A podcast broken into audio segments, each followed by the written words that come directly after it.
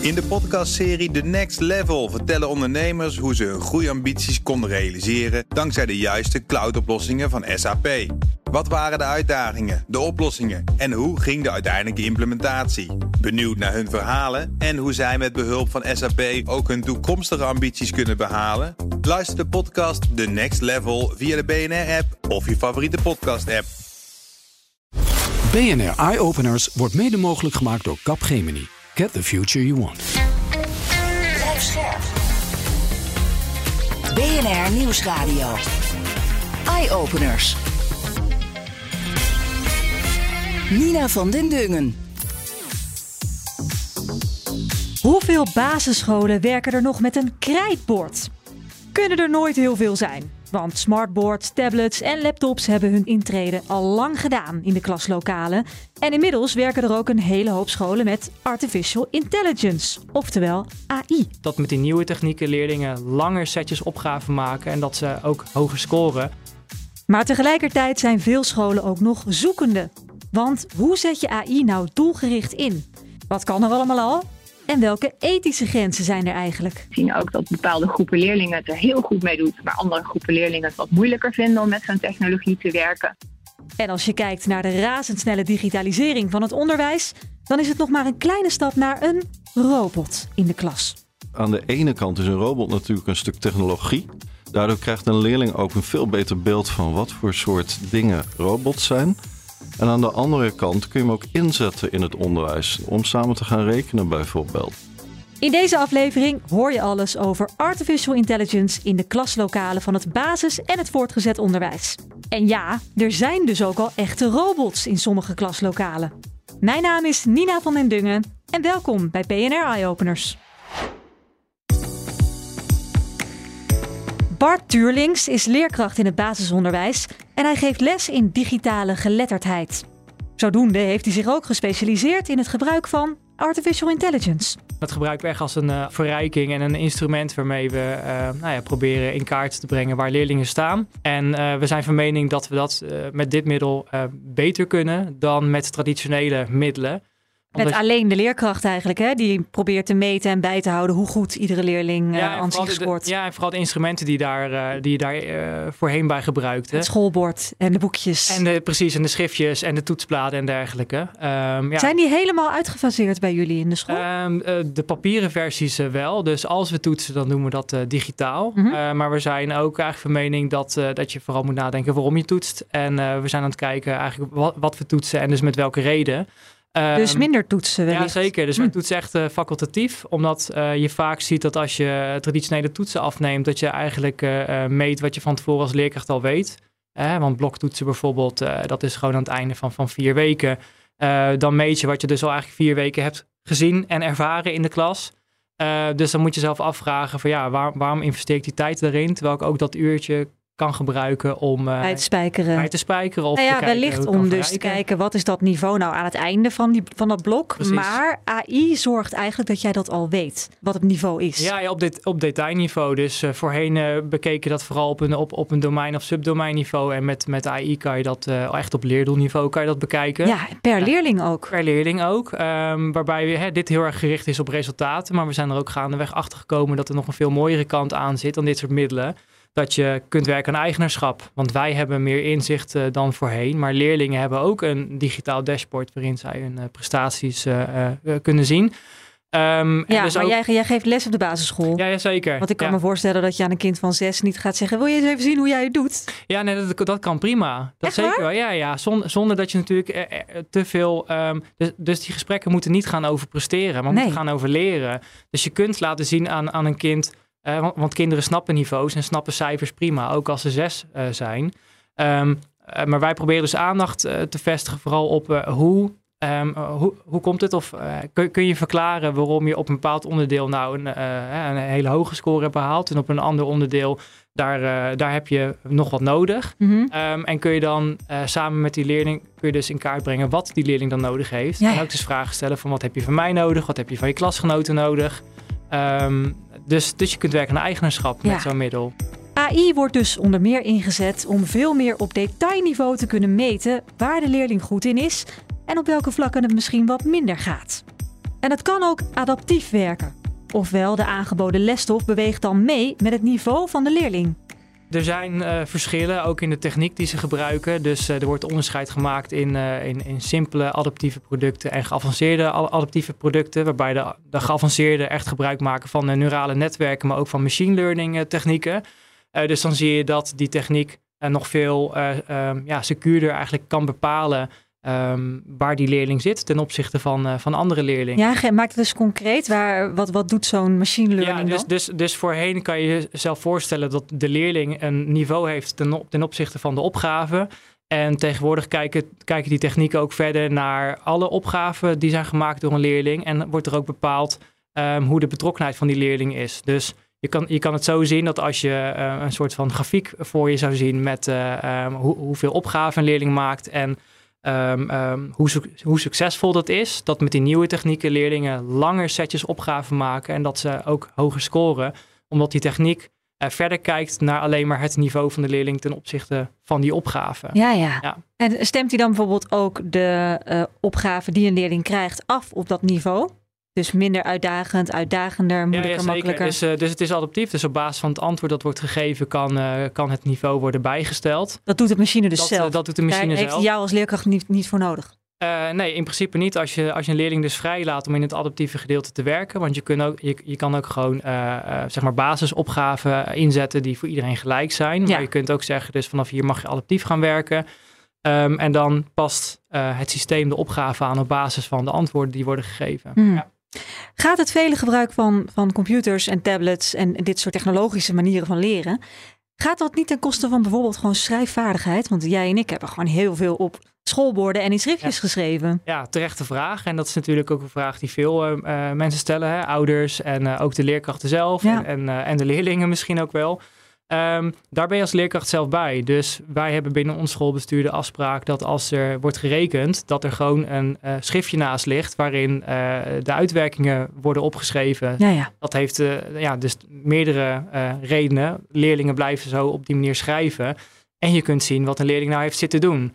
Um, ja. ja, want je hoe merkt... denkt een leerling? Wat voor aantekeningen Precies. maakt hij? Probeert hij? Hoe probeert hij tot die oplossing van de som te komen? Precies, want als je, hè, als je wordt geroepen of je maakt een ronde en je ziet dat er een uh, onjuist antwoord is in, uh, opgegeven. En Dan wil ziet... je dat denkproces precies, wil je zien. Precies, dus, ja. dus wij nemen leerlingen daarin mee. En dat geldt ook bijvoorbeeld voor spelling, want spelling en taal kun je ook digitaal verwerken. Um, en daarbij vinden wij het heel belangrijk dat de dictées bijvoorbeeld gewoon geschreven worden. Hè, daar is natuurlijk ook veel onderzoek naar gedaan, naar... Uh, Um, ja, taalvaardigheid en de ontwikkeling daarvan. En um, ja, vinden wij het daarbij dus belangrijk om aan te sluiten om veel te blijven schrijven bij taalverwerving. Ja. Als je het zo hoort, dan zou je denken dat het inzetten van kunstmatige intelligentie op basis- en middelbare scholen pure winst is. Zou je misschien zelfs kunnen stellen dat het leren met adaptieve AI beter is dan leren van de leerkracht? Ik denk dat AI niet per se beter is dan een leerkracht, maar wat wel heel mooi is, is dat de samenwerking tussen artificiële intelligentie en de leerkracht kan leiden tot beter onderwijs. Je hoort Inge Molenaar. Zij is directeur van het Nationaal Onderwijslab AI, dat pas geleden is geopend. Een leerkracht ziet heel veel dingen die een AI niet kan zien. Hoe een kind zich voelt, wat de motivatie is van een kind, de manier waarop uh, kinderen samenwerken in de klas. Maar de artificiële intelligentie kan op een heel hoog niveau zien en op detailniveau welke kennis een leerling ontwikkelt, welke sommen die correct maakt en hoe dat leerproces eruit ziet. Nou, als je die twee dingen samen verbindt, heb je dus eigenlijk meer informatie bij die leerkracht om op Ja. een goede manier met die leerling te interacteren. Dus Ja. zeker niet een keuze, maar juist die samenwerking tussen die twee componenten, dat noemen wij hybride intelligentie. Dus intelligentie tussen een artificiële intelligentie en een menselijke intelligentie. Dat is waar we in het lab heel erg in geïnteresseerd zijn. Ja, en dit klinkt heel logisch, maar is het ook al bewezen hè, dat je met AI daadwerkelijk betere resultaten krijgt in het onderwijs? Nou, weet je, dat is een hele moeilijke vraag, want het gaat niet zozeer over het leermiddel of de AI. Het gaat juist om die combinatie waar ik het net over had. Dus je Ja. bent altijd op zoek naar de manier waarop een leerkracht in de klas die technologie kan inzetten en wat dat dan vervolgens betekent voor het individuele leerproces van leerlingen. Dus het is heel moeilijk om te zeggen van nou deze AI werkt beter dan een andere AI, omdat het juist om die samenspraak en die combinatie gaat. Aan wat voor toepassingen denken jullie zoal? Nou, de adaptiviteit die we nu hebben is nog heel beperkt. Dus je weet bijvoorbeeld wel of je een vraag goed of fout gemaakt hebt, maar niet precies waarom. Dus uitgebreide feedback is heel belangrijk in het leerproces. Heel belangrijk om te weten waarom je bepaalde fouten maakt. Nou, dat, zijn, dat zijn ontwikkelingen waar we mee aan de slag gaan. Maar je kunt ook buiten dat adaptief onderwijs gaan denken. Uh, we zijn steeds verder in, in spraakherkenning. Jullie hebben daar ook een uitzending over gemaakt. Spraakherkenning voor de Nederlandse taal. Mhm. Maar die spraakherkenning kun je ook weer gebruiken om te horen hoe kinderen hun leesproces ontwikkelt. Dus op het moment dat je kinderen hardop laat lezen, kun je dat spraakherkenning inzetten om te detecteren hoe het leesproces van leerlingen ontwikkelt. En dan kun je dus leerkrachten helpen bij meer gedetailleerde inzichten in hoe leesprocessen over tijd ontwikkelen.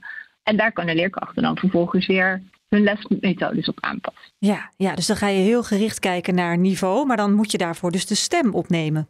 Dat is een mogelijkheid. Er zijn ook mogelijkheden, en die worden in het buitenland ontwikkeld, om bijvoorbeeld eye-tracking in te zetten. Dus dan ga je oogbewegingen gebruiken om het leesproces uh, in kaart te brengen. Ja. En dat hoef je natuurlijk niet continu te doen. Kijk, op dit moment uh, in een school, in basisonderwijs, nemen leraren één keer in de maand een AVI-toets af.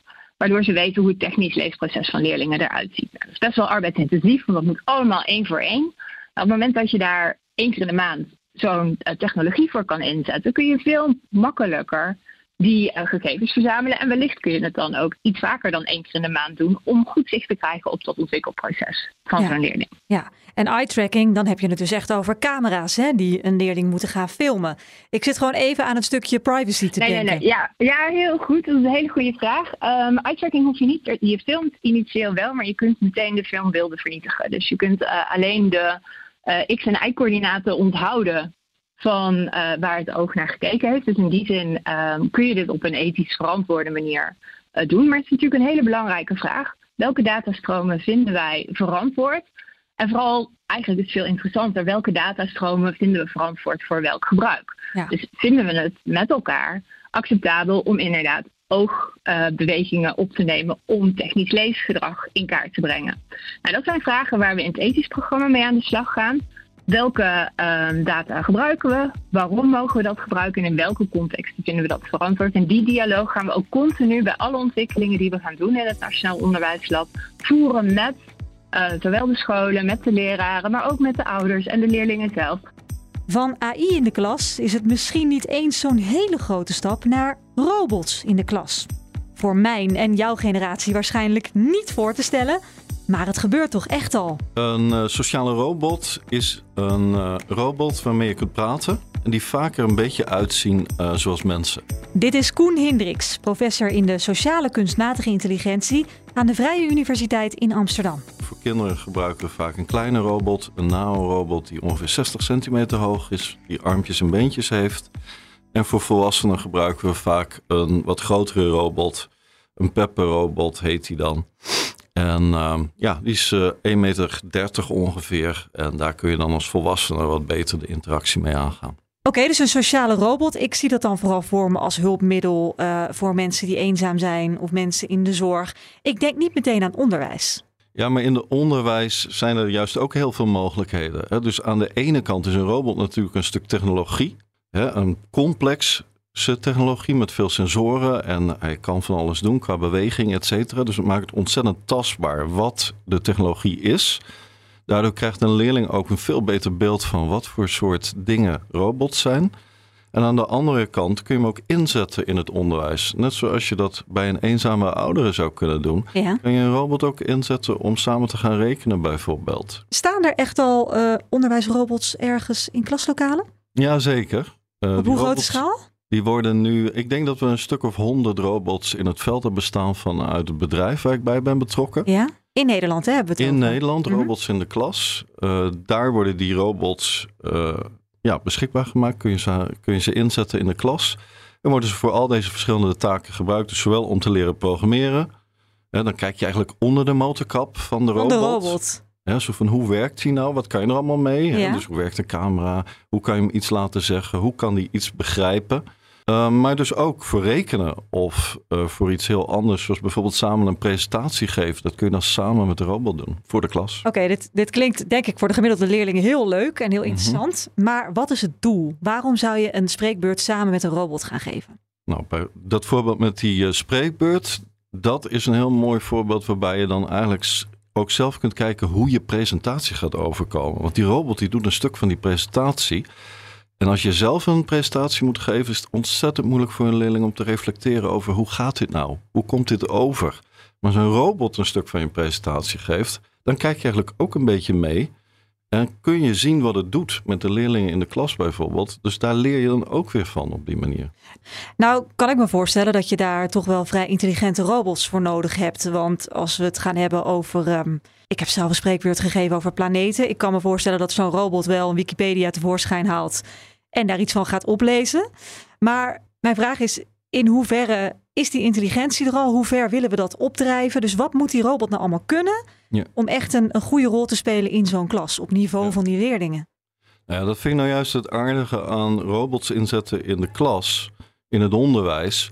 Daar is die intelligentie helemaal niet zo eh, eh, voor nodig. Die robot hoeft niet van alles zelf te moeten doen. Als, als je een presentatie moet voorbereiden, moet je dat zelf nog steeds doen. Je moet zelf die informatie gaan zoeken. Het is niet de bedoeling dat de robot het van je overneemt.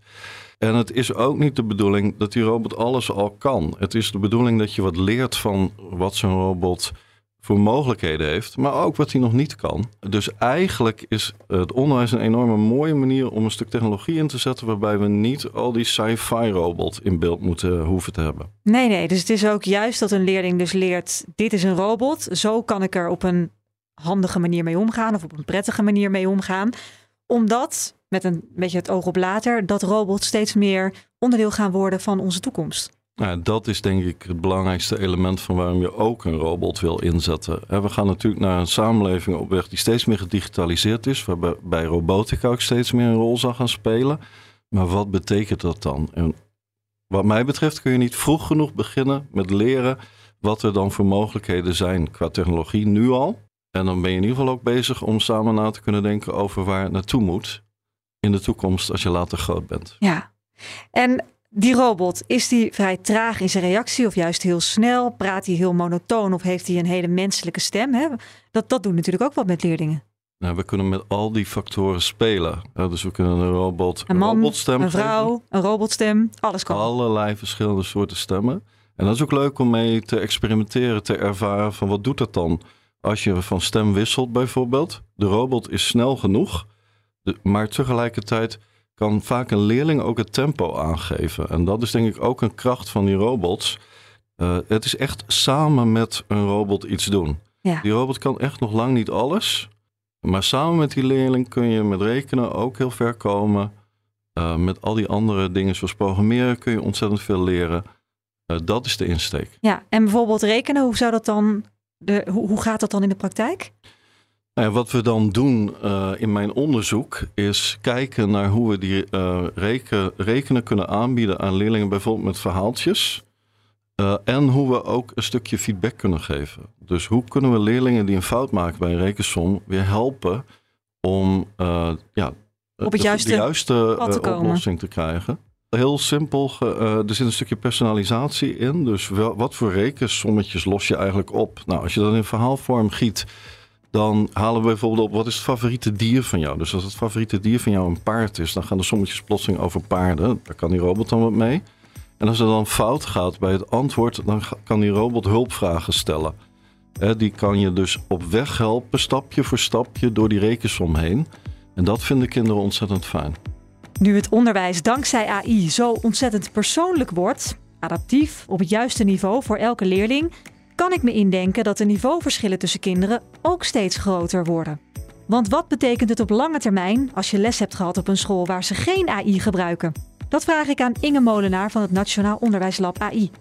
Dat vind ik een hele goede vraag. Ik denk dat we dat eh, over tijd gaan, eh, gaan leren. Op dit moment eh, gaat het Nationaal Onderwijslab voor tien jaar aan de slag met deze vraagstukken. Dus dat zullen we de komende paar jaren verder uit kunnen kristalliseren.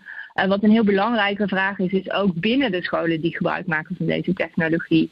Eh, hoe werkt dat voor verschillende groepen leerlingen? We zien ook dat bepaalde groepen leerlingen het er heel goed mee doen, maar andere groepen leerlingen het wat moeilijker vinden om met zo'n technologie te werken. Wat voor verschillen zie je dan in, in die groepen? Nou, bijvoorbeeld kinderen met leerproblemen. Eh, als je bijvoorbeeld eh, ADHD hebt, dus wat sneller antwoord geeft, die kunnen last hebben van een algoritme wat alleen de eerste antwoorden meeneemt, om maar een voorbeeld te noemen. Ah, Eigenlijk weten we dat nog niet zo heel precies? Dus dit zijn precies van die vragen die we van scholen krijgen. Van, nou, kinderen geven aan niet zo prettig vinden. Of we zien een verschil tussen wat we op de CITO-toets zien en wat het systeem meet. Hoe komt dat nou? Nou, dat zijn nou precies vragen waar we in het wetenschappelijk programma mee aan de slag gaan. Om ook echt goed te begrijpen van wat doet die technologie voor verschillende groepen leerlingen. En op welke manier kunnen we dat aanpassen, zodat Ja. iedereen er baat bij heeft. Waar ik ook nog benieuwd naar ben, is hoe leerkrachten het werken met AI ervaren. Dus in hoeverre ondersteunt het niet alleen de leerling, maar ook de docent? Dat vraag ik aan ervaringsdeskundige Bart Tuurlings. Ik vind dat je meer inzicht krijgt en dat je ehm, dus ook kinderen, als je ze wil clusteren, dat je ze gemakkelijker kunt clusteren. Nou, het andere voorbeeld dat ik net ook noemde is dat je ehm, door dat dashboard makkelijker ook eh, aan eigenaarschap kunt werken. Dus kinderen mee kunt nemen in hun eigen eh, ontwikkeling. Nou, ik vind het ook fijn dat kinderen niet hoeven te wachten op feedback, want dat krijgen ze ook direct van het systeem. Ik heb eh, klassen gehad. Zo heb je het gedaan. je hebt ja, eh, zoveel vragen goed. nou ja, kijk, et het, het is natuurlijk een juist of onjuist antwoord krijgen ze te zien. Dus de, de feedback is nog niet dermate geavanceerd dat ze ook eh, wat specifieker krijgen van wat, wat ze dan verder moeten doen. Nee. Ehm, maar voorheen eh, moesten ze, eh, ik heb een groep gehad van 34 leerlingen. Ja, moest je moest- nakijken. moesten ze gaan wachten totdat die schriftjes waren nagekeken. Dus dat was vaak minstens tot de volgende dag en dan pas was de feedback. Ja, Ehm, en daarna kon je dus ook pas weer gaan kijken van wat heeft deze leerling dan verder nodig qua aanbod. ja. Ja, en nu zie je dat voorafgaand aan de les, tijdens je voorbereiding in je dashboard, tijdens de les en na de les. En kost het jou meer tijd als leerkracht of, of levert het je tijd op? Ja, eh, tijd is altijd zo'n ding dat wordt genoemd. En ik, eh, ik zeg altijd, eh, kijk waar je je tijd aan besteedt. Ehm, het nakijken wordt dus uit handen genomen. Maar dat betekent dus dat je die tijd kunt gebruiken voor, voor andere zaken. En ik, Inzicht, Inzicht, krijgen ja, in, in de resultaten. ja, dus er is een, een, een beetje een nieuw begrip ontstaan in het onderwijs. En dat is learning analytics. Dus dat is wel echt een stukje vaar- vaardigheid dat je als leerkracht moet ontwikkelen. Dat je data weet te duiden in dashboards. En dat je vervolgens ook kunt kijken. Ehm, dat is maar één stukje data. Want je hebt ook natuurlijk gewoon je observaties die je als leerkracht hebt. Je hebt eh, toetsen, je hebt CITO's, eh, nou, noem maar op. Ehm, maar hoe eh, ehm, begrijp je de data? Weet je ook hoe de data wordt verzameld? Begrijp je ook dat data vervuild kan raken door verkeerde invoer of omdat leerlingen samen zitten te werken of Ja. omdat ze meetypen terwijl je hè, antwoorden aan het bespreken bent. Dus dat moet je weten. Maar dus uiteindelijk ook hoe, kun, hoe kan ik nou mijn onderwijsaanbod en mijn feedback afstemmen, eh, mede op basis van eh, alle gegevens die ik op, in zo'n Hm. dashboard zie. Bij elkaar is dat nogal wat. Dat is wel wat. Wordt dat, wordt dat goed begeleid of is het echt eh, ieder voor zich succes? Ja, nee, daar zijn keuzes in. Dus ik merk wel dat gelukkig op de PABO's daar steeds meer aandacht voor komt. Ehm, eh, maar je ziet dat binnen schoolbesturen de verschillen enorm zijn. Nou ja, trainingen volgen, vervolgens ook hun, hun collega's begeleiden en coachen en dergelijke. Eh, en we hebben een netwerk dat dan weer met elkaar eh, allerlei kennis en eh, Ja. ja. ervaringen uitwisselt. Ja, dus En bij jou is het heel goed geregeld, maar dat Ja. zie je zeker niet Nee, zeker niet. Ik zie ook voor, voorbeelden van schoolbesturen en scholen waar, en dat geldt voor leermiddelen in het algemeen, dat er een aantal enthousiastelingen dan de keuze mogen maken, we gaan hiermee werken. Mhm. En dan is de vraag, hoe gaan ze op zo'n school daarmee om? Dus hoe ziet een implementatietraject eruit? Ja. Hoe worden collega's meegenomen en wordt dat cyclisch gedaan of wordt dat een keer gedaan en vervolgens is het een prettige wedstrijd en Ja. kijk, kijk maar hoe dat zich ontwikkelt. Tot slot nog even een blik in de toekomst. Want als we nu al bezig zijn met robots in de klas, waar staat het AI-gericht leren dan over pak een beet 5 tot 10 jaar? Nou, je kunt ook bijvoorbeeld denken aan eh, virtual reality, wat op dit moment natuurlijk ook al gebruikt wordt om eh, in bepaalde contexten meer eh, gesitueerd te leren, dus meer in de echte situatie zelf. Eh, er zijn bijvoorbeeld al hele mooie toepassingen voor scheikunde, waarbij je echt in een molecuul kan bewegen en de moleculen ook op die manier op verschillende manieren aan elkaar kan verbinden. Dus dan ben je op een hele andere manier met scheikundemateriaal bezig. Hm? Op dit moment is dat nog vooral visueel. Maar je kunt natuurlijk ook denken aan een adaptieve leeromgeving die in virtual reality is. En waarbij je dus op niveau van de leerling gaat aanpassen aan wat je aanbiedt en de manier waarop je daar eh, doorheen beweegt. Dat is er op dit moment nog niet. En dat zijn ook oplossingen waar we aan kunnen gaan denken. Dit was Eye Openers voor deze week. Volgende keer hoor je alles over hoe steeds meer gevoelige data toch compleet anoniem kan worden gedeeld. Bijvoorbeeld tussen ziekenhuizen of overheidsdiensten. Mijn naam is Nina van den Dungen en dankjewel voor het luisteren. BNR Eye Openers wordt mede mogelijk gemaakt door Capgemini. Get the future you want. In de podcastserie The Next Level vertellen ondernemers hoe ze hun groeiambities konden realiseren dankzij de juiste cloudoplossingen van SAP. Wat waren de uitdagingen, de oplossingen en hoe ging de uiteindelijke implementatie? Benieuwd naar hun verhalen en hoe zij met behulp van SAP ook hun toekomstige ambities kunnen behalen? Luister de podcast The Next Level via de BNR-app of je favoriete podcast-app.